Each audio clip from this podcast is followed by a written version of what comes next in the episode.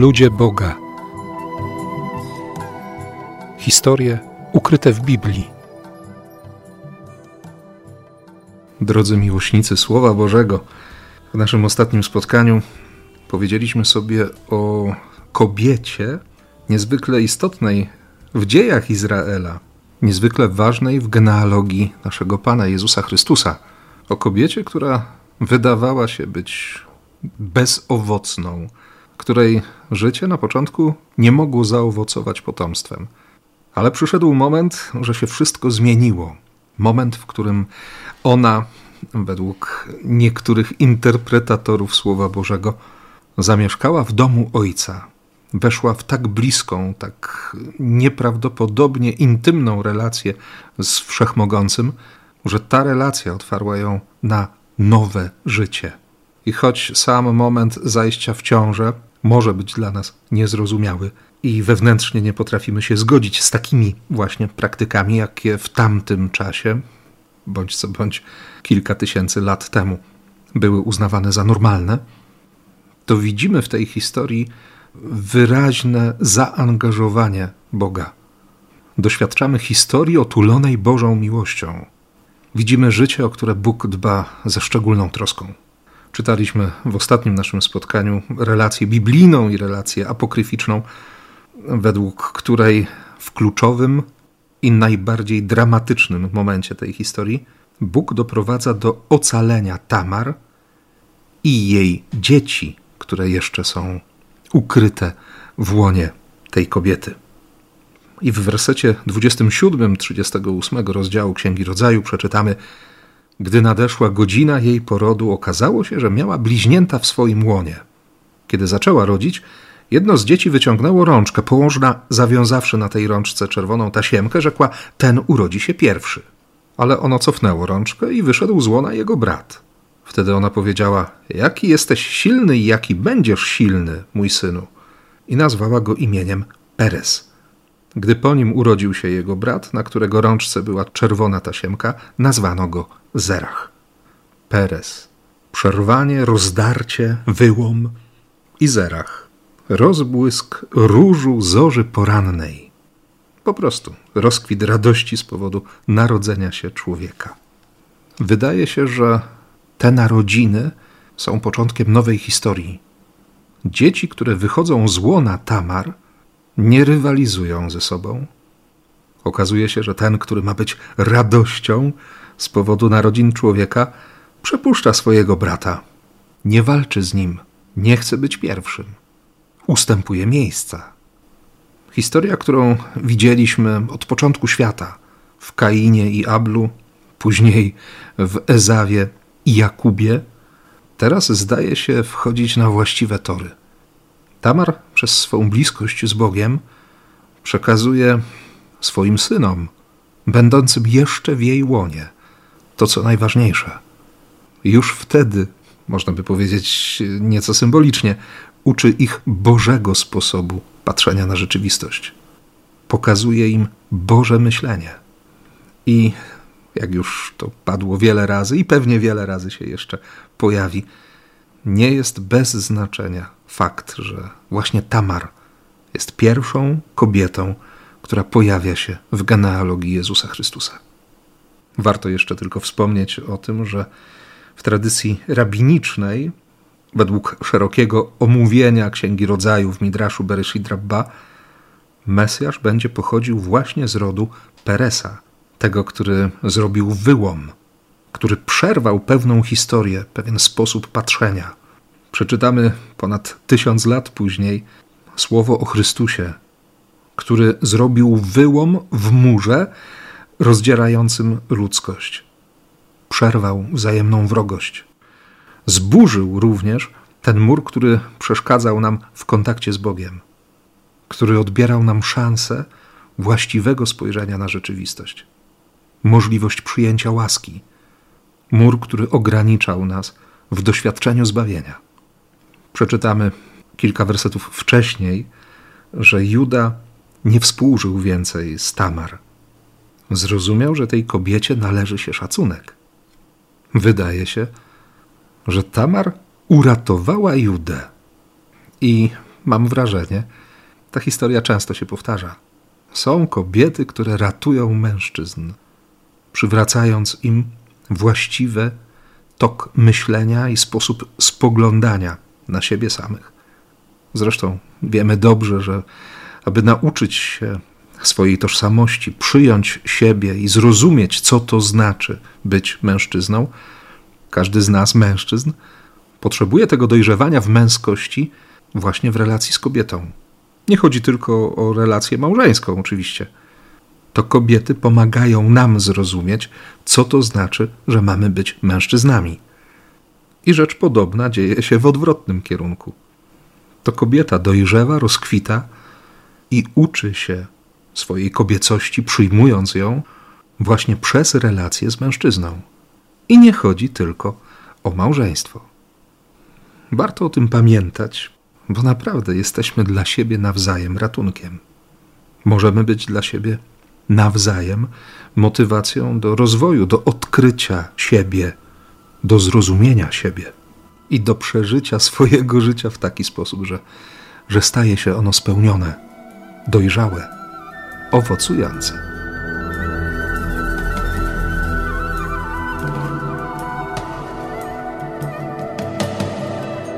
Ale zostawmy na razie te rozważania i cofnijmy się nieco w czasie, ponieważ historia Judy na chwilę schodzi na dalszy plan i autor natchniony w Księdze Rodzaju zajmuje się Józefem. Juda jeszcze się pojawi i będzie miał do spełnienia bardzo ważne zadanie, do którego zresztą sam się zobowiąże.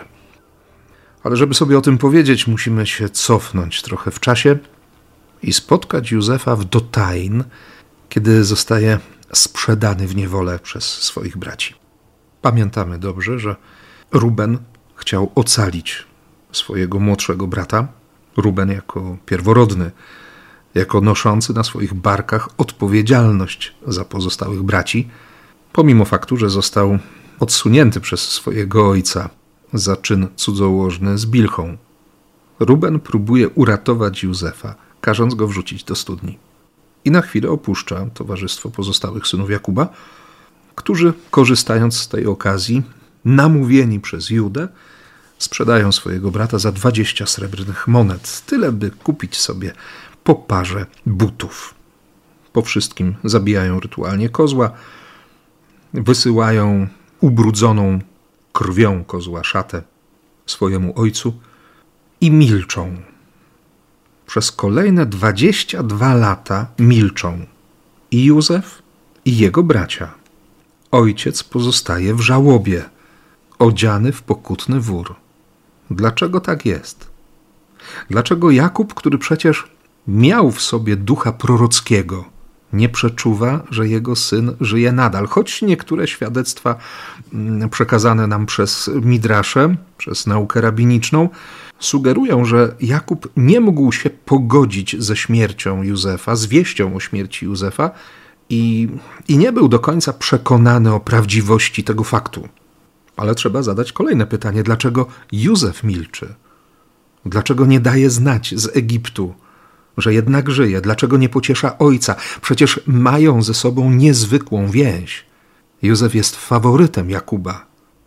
Wśród wielu możliwych wyjaśnień góruje to, że że Józef milczał, ponieważ nie chciał narazić swoich braci na straszliwy gniew ojca. Bo owszem, Jakub doświadczyłby pociechy z faktu, że Józef żyje, ale skutkiem tej wieści byłby nieuchronny rozpad całej rodziny. Powiedziałem przed momentem o, o tym proroczym zmyśle Jakuba. Maimonides tłumaczy, że ten dar ucichł, ponieważ proroctwo milknie, kiedy przeżywa się smutek i żałobę wśród rozmaitych rabinicznych interpretacji, możemy znaleźć też nawiązanie do ofiary z Izaaka. Abraham złożył w ofierze swojego syna, bo tak chciał Bóg. Teraz historia się powtarza. Jakub, który jest synem Izaaka, owszem, on nie jest do końca świadomy tego, co czyni, kiedy tego najmłodszego Józefa czyni faworytem swojej miłości, kiedy wysyła go w pięknej szacie do Sychem. W pewien sposób on składa Józefa w ofierze. Co prawda odbyło się to bez wyraźnego wezwania Bożego. Ale Bóg z całą swoją troską o człowieka, o swój naród, o swoich ludzi, o ludzi Boga, wszedł w tę historię. Jakub, podobnie jak Abraham, nie był gotowy na złożenie tej ofiary, ale to zrobił, nawet o tym nie wiedząc. Potem przez lata tkwił żałobie. Ale idźmy dalej. Kiedy Ruben wreszcie pojawia się przy studni, nie może zrozumieć, w jaki sposób jego najmłodszy brat zniknął. Pozostali synowie Jakuba, którzy doskonale wiedzą, co się wydarzyło, milczą. Jakby byli tak samo wstrząśnięci odkryciem Rubena. Oni nie mówią wyraźnie: sprzedaliśmy go. Tak jakby wszyscy wmówili sobie, i o tym pisze jeden z dawnych komentatorów Biblii, jakby wszyscy wmówili sobie, że faktycznie dzika bestia pożarła Józefa. Ruben jest wstrząśnięty, bo, bo to był jego pomysł, by wrzucić Józefa do studni. On się czuje winny. Jego interpretacja rzeczywistości jakoś przekonuje pozostałych braci, by uwierzyli właśnie w ten rozwój wypadków. Zresztą mają świadomość tego, że niewola jest równoznaczna ze śmiercią. W 44 rozdziale, 20 wersecie, właśnie Juda przy pierwszym spotkaniu z nieznanym sobie dygnitarzem egipskim powie, że, że brat umarł. Może się wydawać, że właśnie ta wersja wydarzeń jest wygodna dla braci Józefa. Ale w 40 rozdziale Księgi Rodzaju, w 15 wersecie, przeczytamy, że i sam Józef mówi, że został uprowadzony albo ukradziony, a nie sprzedany. No dlaczego pojawia się taka interpretacja? Bo to zmienia sens całej historii. Synowie Jakuba mogą być w ten sposób wolni od odpowiedzialności za grzech kradzieży i sprzedaży człowieka. A taki grzech jest porównywalny do morderstwa. Karą za niego jest śmierć.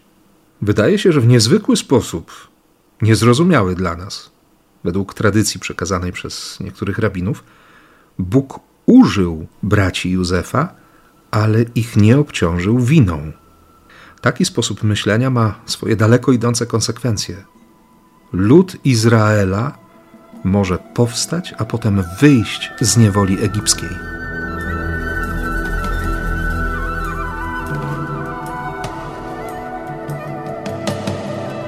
Wróćmy jednak do Józefa. Przeczytamy na początku 39 rozdziału Księgi Rodzaju, że Józef dostał się do Egipcjanina Potifara, urzędnika faraona, który był dowódcą katów albo przełożonym strażników. Bardzo szybko zdobył tam zaufanie, uznanie, nawet został nadzorcą jego domu. Bóg był z nim.